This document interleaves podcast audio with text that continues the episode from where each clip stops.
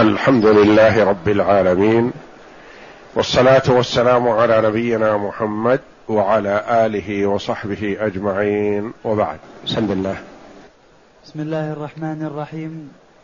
قال المؤلف رحمه الله تعالى وقوله تعالى إن الله نعم ما يعظكم به. وقوله تعالى ولولا إذ دخلت جنتك. وقوله تعالى ولولا إذ دخلت جنتك قلت ما شاء الله لا قوة إلا بالله. وقوله تعالى وقوله تعالى ولو شاء الله ما اقتتلوا ولكن الله يفعل ما يريد. هاتان الآيتان أوردهما شيخ الإسلام ابن تيمية رحمه الله تعالى في العقيدة الواسطية لإثبات الأسماء والصفات لله جل وعلا. وتقدم لنا قوله تعالى ليس كمثله شيء وهو السميع البصير. وقوله تعالى إن الله نعم ما يعظكم به. إن الله كان سميعا بصيرا. وقوله تعالى ولولا إذ دخلت جنتك قلت ما شاء الله لا قوة إلا بالله. هذه الآية في سورة الكهف. يقص الله جل وعلا على نبيه محمد صلى الله عليه وسلم ما حصل بين رجلين ممن تقدم أحدهما مؤمن فيعظ زميله وصاحبه الذي أنكر البعث والحساب. يعظه بأن ما وجد بين يديه هو بمشيئة الله جل وعلا وإرادته لا بحوله ولا بقوته. وكان الأجدر به بدل أن يقول ما أظن أن تبيد هذه أبدا وما أظن الساعة قائمة أن يقول ما شاء الله لا قوة إلا بالله. يعني هذا من الله جل وعلا. هو الذي أعطاه بمشيئته سبحانه وإرادته. والمؤلف رحمه الله تعالى أوردها على استدلالا لإثبات صفة المشيئة. لله جل وعلا وإثبات صفة الإرادة لله جل وعلا أن الله يشاء وما شاءه جل وعلا كان وما لم يشأه لم يكن. وما أراده الله جل وعلا كان وما لم يرده لا يكون. وأن مشيئة الله جل وعلا سابقة للحوادث كلها فما يحدث كله بمشيئة الله جل وعلا. ثم علينا أن نعلم أن الإرادة إرادتان. إرادة كونية قدرية مرادفة للمشيئة. وإرادة دينية شرعية مرادفة للأمر والنهي.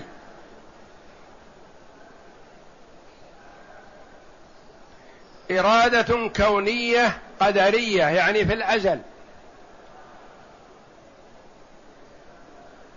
مرادفة لمشيئة الله جل وعلا الأزلية.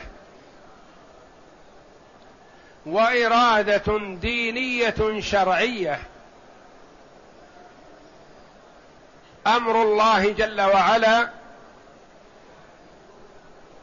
ومحبته.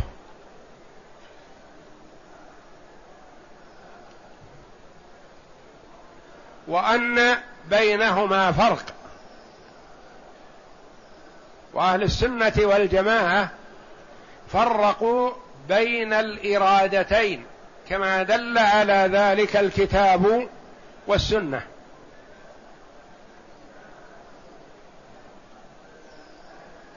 والجبرية والمعتزلة الجبرية الذين يقولون إن العبد مجبر على عمله لا اختيار له إطلاقا. وعلى عكسهم المعتزلة القدرية نفاة القدر. يقولون العبد يخلق أفعاله. والله جل وعلا لا يعلم عن فعل العبد حتى يفعله. تعالى الله. وأهل السنة والجماعة يقولون ما يوجد في الكون شيء صغير أو كبير. محبوب لله جل وعلا أو مكروه إلا والله جل وعلا شاءه. وقدره ازلا.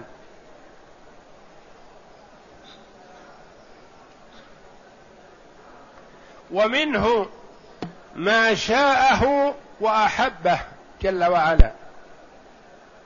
ومنه شاءه وأبغضه وكرهه ولكن شاءه لحكمة.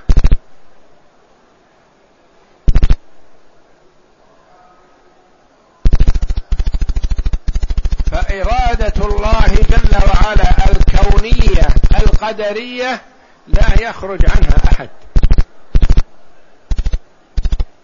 وما في الكون شيء إلا والله جل وعلا شاءه وقدره كونا وقدرا قديما أزلا.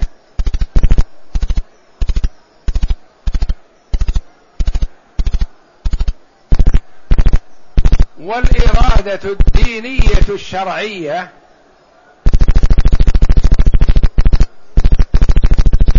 يحصل ما يحبه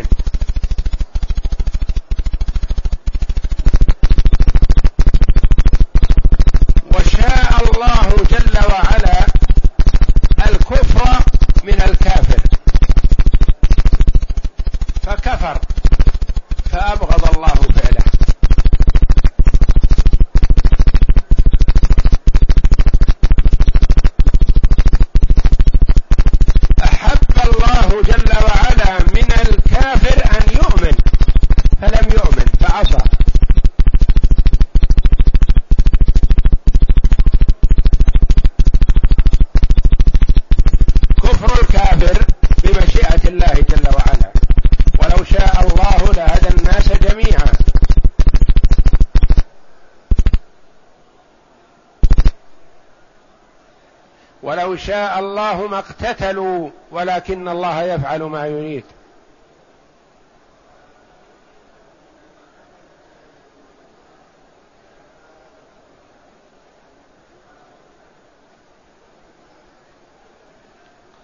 اذا فمشيئة الله جل وعلا لا يخرج عنها المرء أبدا.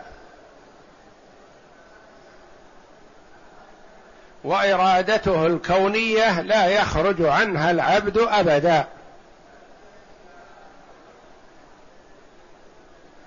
وإرادته وأمره الديني الشرعي لا يخرج عنه المؤمن ويكون فيما أحبه الله ويخرج عنه الكافر. فيخالف أمر الله. ويكون عاصي. عصى أمر الله.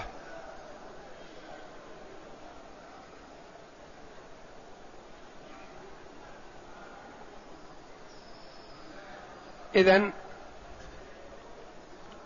منشأ الضلال عند الجبرية والمعتزلة من تسويتهم بين الإرادة الدينية الشرعية والإرادة الكونية القدرية الازليه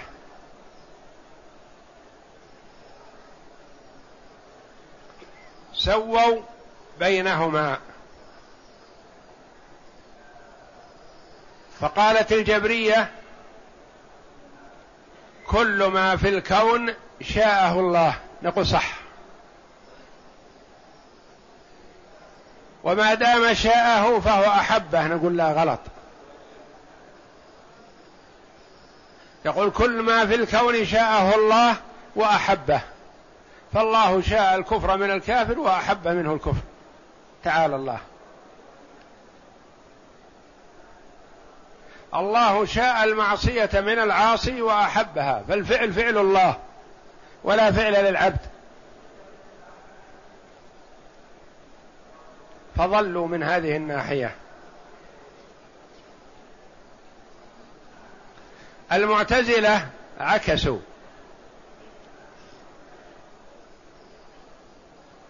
قالوا كفر الكافر بمشيئة الكافر.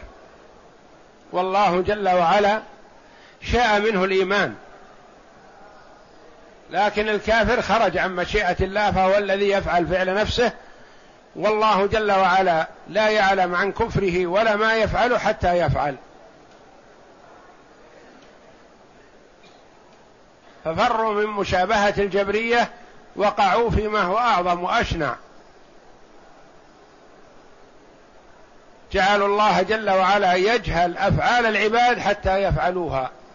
تعالى الله. أهل السنة والجماعة قالوا ما في الكون كله بمشيئة الله جل وعلا وما تشاءون إلا أن يشاء الله.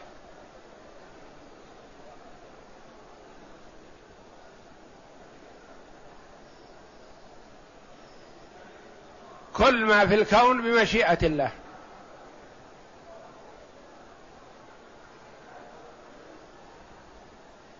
ثم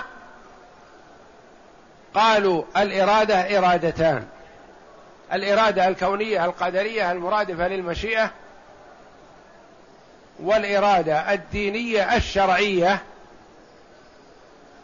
فالله جل وعلا شاء الإيمان من المؤمن فآمن فأحبه الله وأحب فعله. وشاء الكفر ازلا من الكافر ولم يحبه جل وعلا. ونهاه عنه وأمره بالإيمان وأقام عليه الحجة فاختار طريق الضلال على طريق الهدى. فما أحب الله فعله. وهو في هذه الحال ما خرج عن مشيئة الله لأن الله جل وعلا يعلم أن فرعون لا يتذكر ولا يخشى.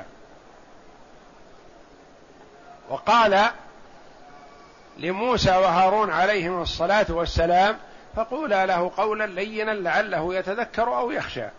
والله جل وعلا يعلم أزلا أن فرعون لا يتذكر ولا يخشى. ولا يستجيب لدعوة موسى وهارون. وعلم ما هو عامل قبل أن يخلقه. ولم يحب منه الكفر بل دعاه إلى الإيمان وأرسل إليه الرسل.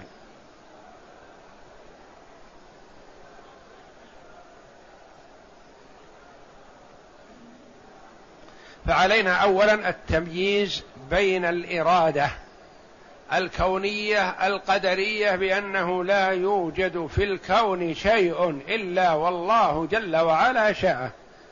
مثل ما نقول ما شاء الله كان وما لم يشأ لم يكن. ما شاء الله كان وما لم يشأ لم يكن.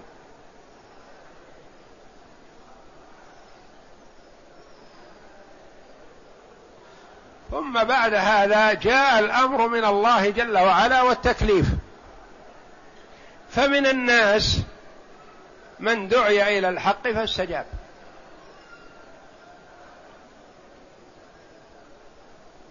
فرضي الله عن فعله وأثابه. استجاب لأمر الله وأمر رسله. فاجتمعت فيه الإرادتان الكونية القدرية والإرادة الدينيه الشرعية صدقتا في هذا الرجل الصالح.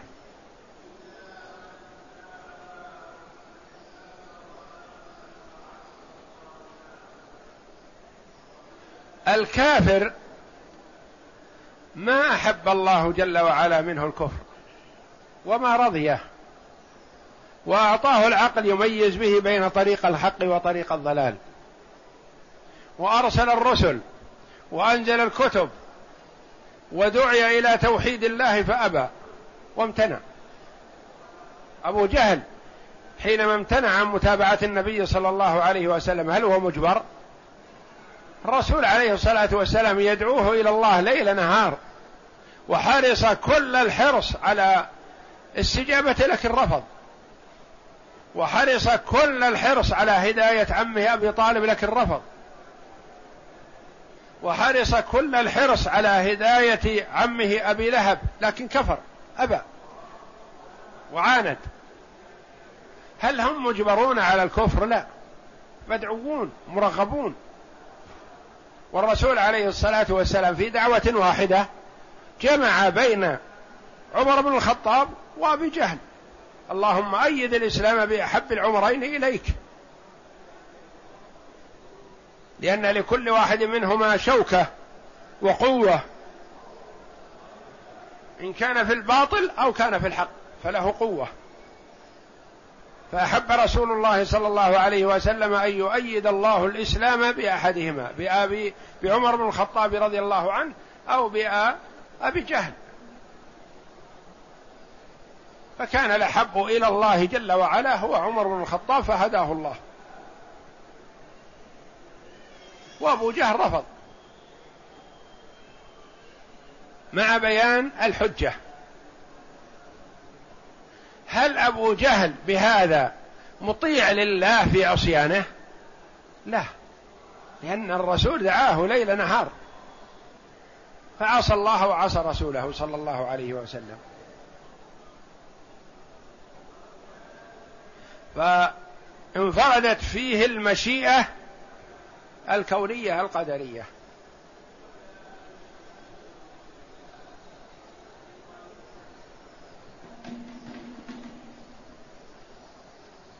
أبو جهل وأبو لهب وغيرهم دعوا إلى الإسلام ورغبوا في ذلك فامتنعوا.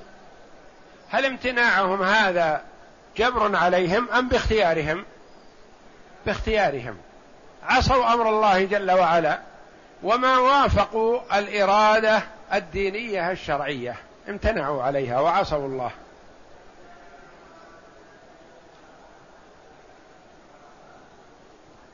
وكما مثلت وأكرر المثال ليتضح لو مررت وأنت متجه لصلاة الفجر على اثنين نائمين وأيقظتهما للصلاة. وقلت لأحدهما يا أخي أما سمعت الأذان؟ قال لا ما سمعت. هل أذن؟ يقول نعم. تقول نعم. يقول جزاك الله خيرا. قل يا أخي صل. جزاك الله خيرا. أحسنت. أحسن الله إليك كما أحسنت إلي. نبهتني. أنا نائم. فقام مسرع وتوضأ وجاء وصف وصلى بالصف الأول. هل هذا مجبر على هذا الفعل أم قام باختياره؟ قلت للآخر مثله. قال اذهب وشأنك. لست علي رقيب. ما وكلت علي. أزعجتني. أقلقتني في نومي. ما جعلتني أستريح. وسبك وسب أباك وجدك. وشتمك. فذهبت. ونام. ما صلى. هل هذا مجبر على ترك الصلاة؟ مكتف ما يستطيع يقوم؟ رفض باختياره.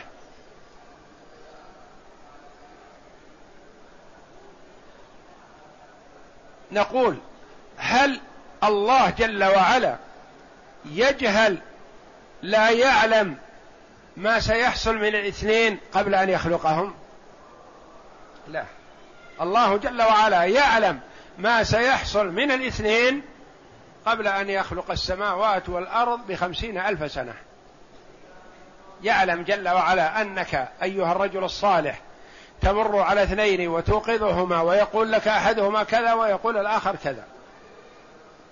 هذا يعلمه الله جل وعلا قبل أن يخلق السماوات والأرض بخمسين ألف سنة وكان عرشه على الماء كما في حديث عبد الله بن عمرو بن العاص رضي الله عنهما.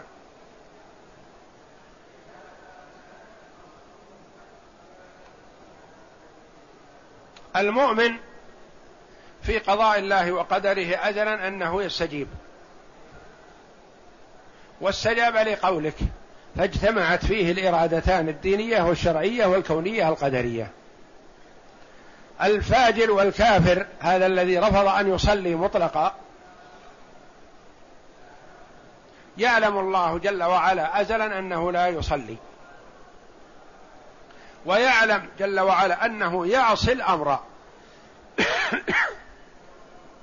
فعصى أمر الله وخالف ما أراده الله جل وعلا منه أمرا وشرعا. ولم يخالف ما أراده الله جل وعلا كونا وقدرا الكون والقدر يعلم الله جل وعلا أنه يمتنع. لكن خالف الأمر الشرعي. ويعلم الله جل وعلا أنه يخالف الأمر الشرعي.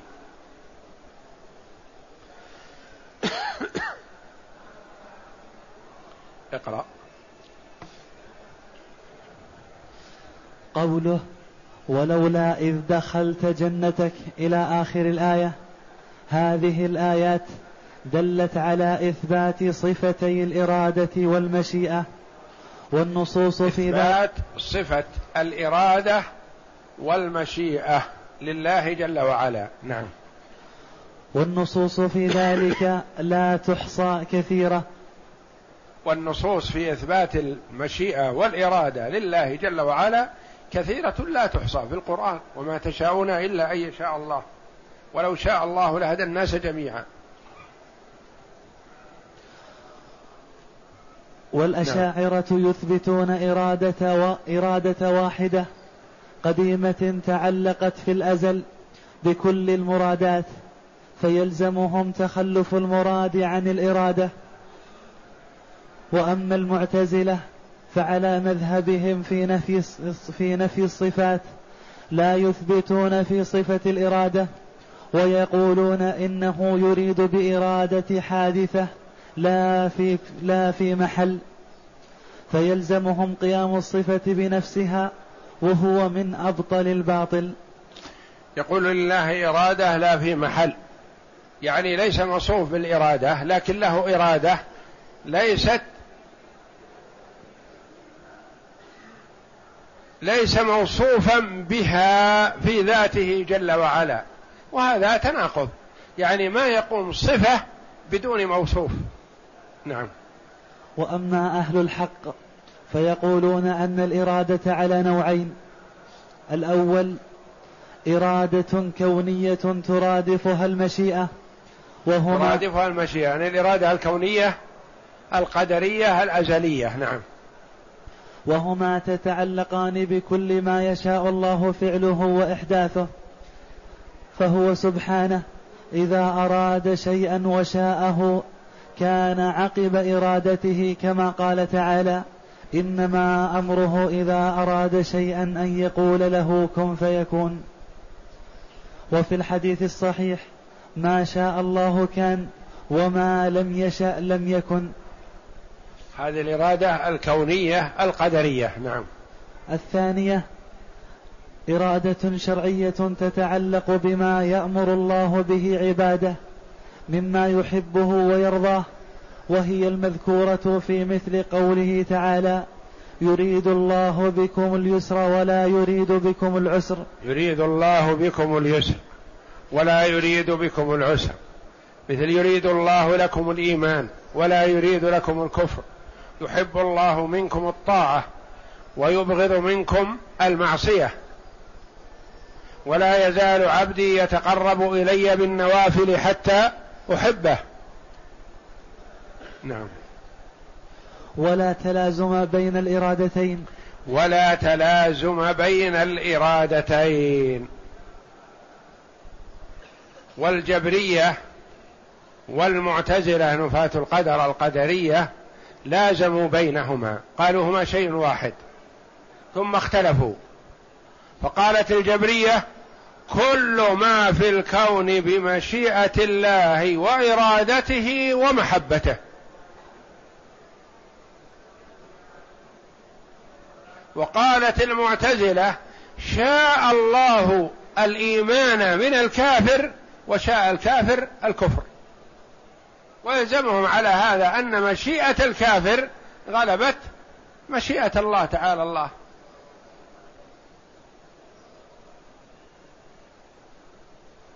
فنفاة القدر ظلوا بهذه الناحية فرارا من قولهم إن العبد مجبر مثل ما قالت الجبرية.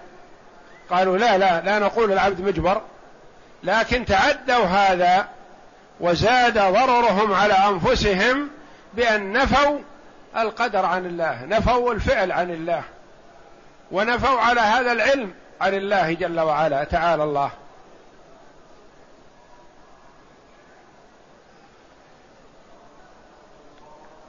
يقول أحد الصالحين ركبنا في سفينة في سفر فكان معنا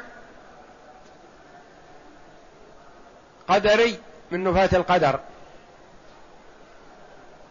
ومجوسي من عباد الشمس من المجوس.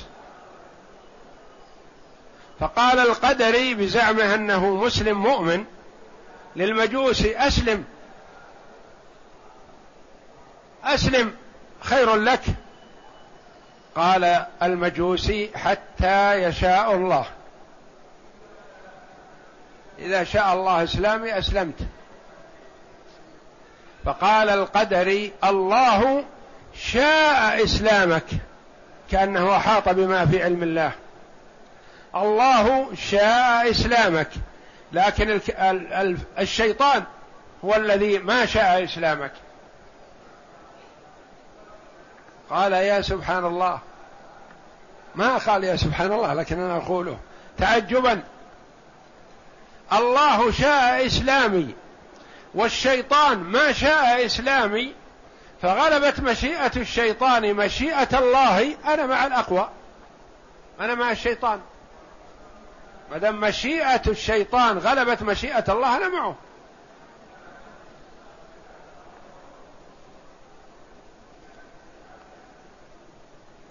وأخرى يعني اللي في فطرته يدرك خطأ الجبرية خطأ المعتزلة ونفاة القدر.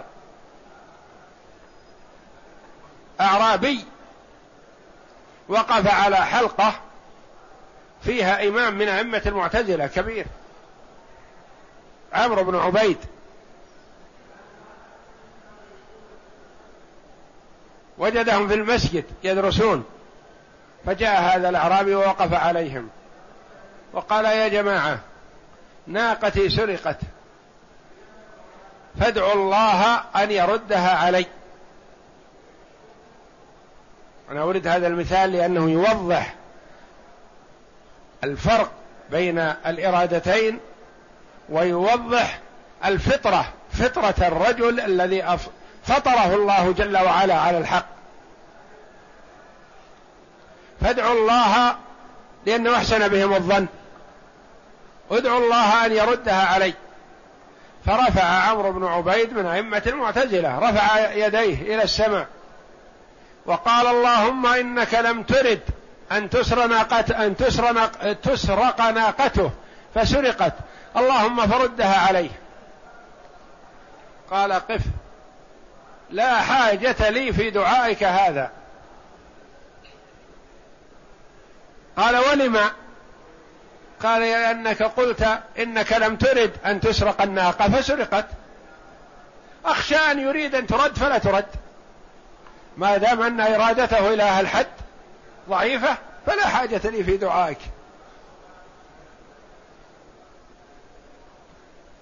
لا حاجة لي في دعاء. قال ولم أن ندعو لك. أن الله يرد عليك ناقتك. قال لا لأنك وصفت الله بما لا يليق به.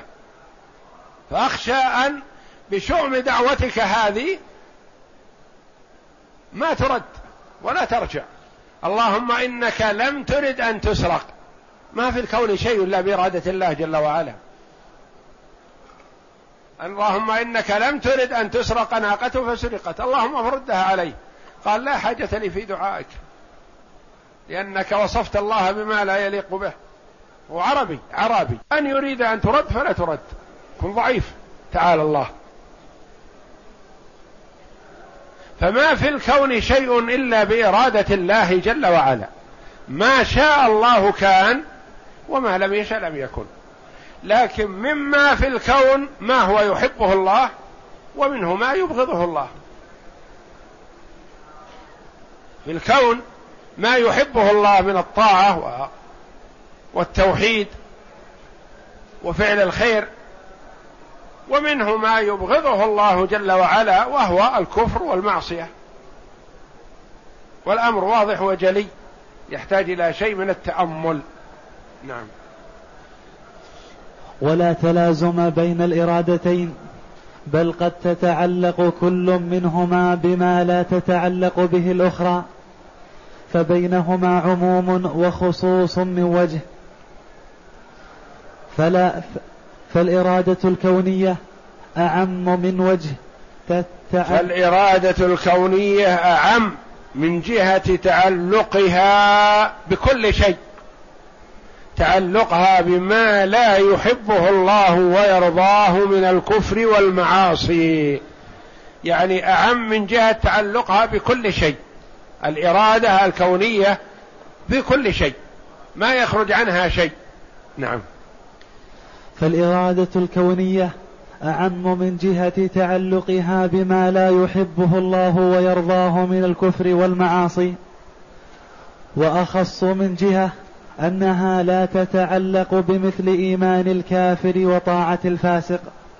إيمان الكافر وطاعة الفاسق هذا أمره الله جل وعلا بالطاعة وأمره بالإيمان فعصى.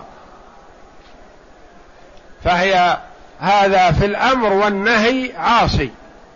وهو في الأصل في أعماله كلها ما يخرج عن أمر الله لكن خرج عن طاعة الله جل وعلا. نعم. والإرادة الشرعية أعم من جهة تعلقها بكل مأمور به واقعا كان أو غير واقع. الإرادة الشرعية أعم من جهة تعلقها بكل مأمور به. حصل لأن الله جل وعلا أمر بكل خير ونهى عن كل شر. حصل من هذا الامتثال وحصل من هذا المعصية. نعم. وأخص من جهة أن الواقع بالإرادة الكونية قد يكون غير مأمور به. ما أمر الله جل وعلا بالكفر من الكافر وقد شاءه كونا وقدرا. نعم. والحاصل أن الإرادتين قد تجتمعان معا في مثل إيمان المؤمن وطاعة المطيع. إيمان المؤمن وطاعة المطيع شاءه الله جل وعلا كونا وقدرا وأراده الله جل وعلا أمرا ونهيا. إرادة الدينية الشرعية. فاجتمعت الإرادة الدينية الشرعية مع الإرادة الكونية القدرية في حق من؟ المؤمن. شاء الله منه الإيمان فامتثل وأراده الله جل وعلا منه. نعم. وتنفرد الكونية في مثل كفر الكافر ومعصية. كفر الكافر شاءه الله جل وعلا كونا وقدرا. لكن هل أراده الله جل وعلا إرادة دينية شرعية؟ لا. نعم. ومعصية العاصي. نعم. وتنفرد الشرعية في مثل إيمان الكافر وطاعة العاصي. وتنفرد الشرعية في مثل إيمان الكافر ما حصل. ما حصل. يعني خالف الإرادة الدينية الشرعية. الكافر خالف الإرادة الدينية الشرعية بكفره لأنه مأمور بالإيمان. والعاصي خالف الإرادة الدينية الشرعية بمعصيته فهو مأمور بالطاعة لكنه ما أطاع. نعم. وقوله تعالى ولولا إذ دخلت جنتك الآية هذا من قول الله حكاية عن الرجل المؤمن لزميله الكافر صاحب الجنتين يعظه به أن يشكر نعمة الله عليه ويردها إلى مشيئة الله ويبرأ من حوله وقوته فإنه لا قوة إلا بالله. والله أعلم وصلى الله وسلم وبارك على عبده ورسول نبينا محمد وعلى آله وصحبه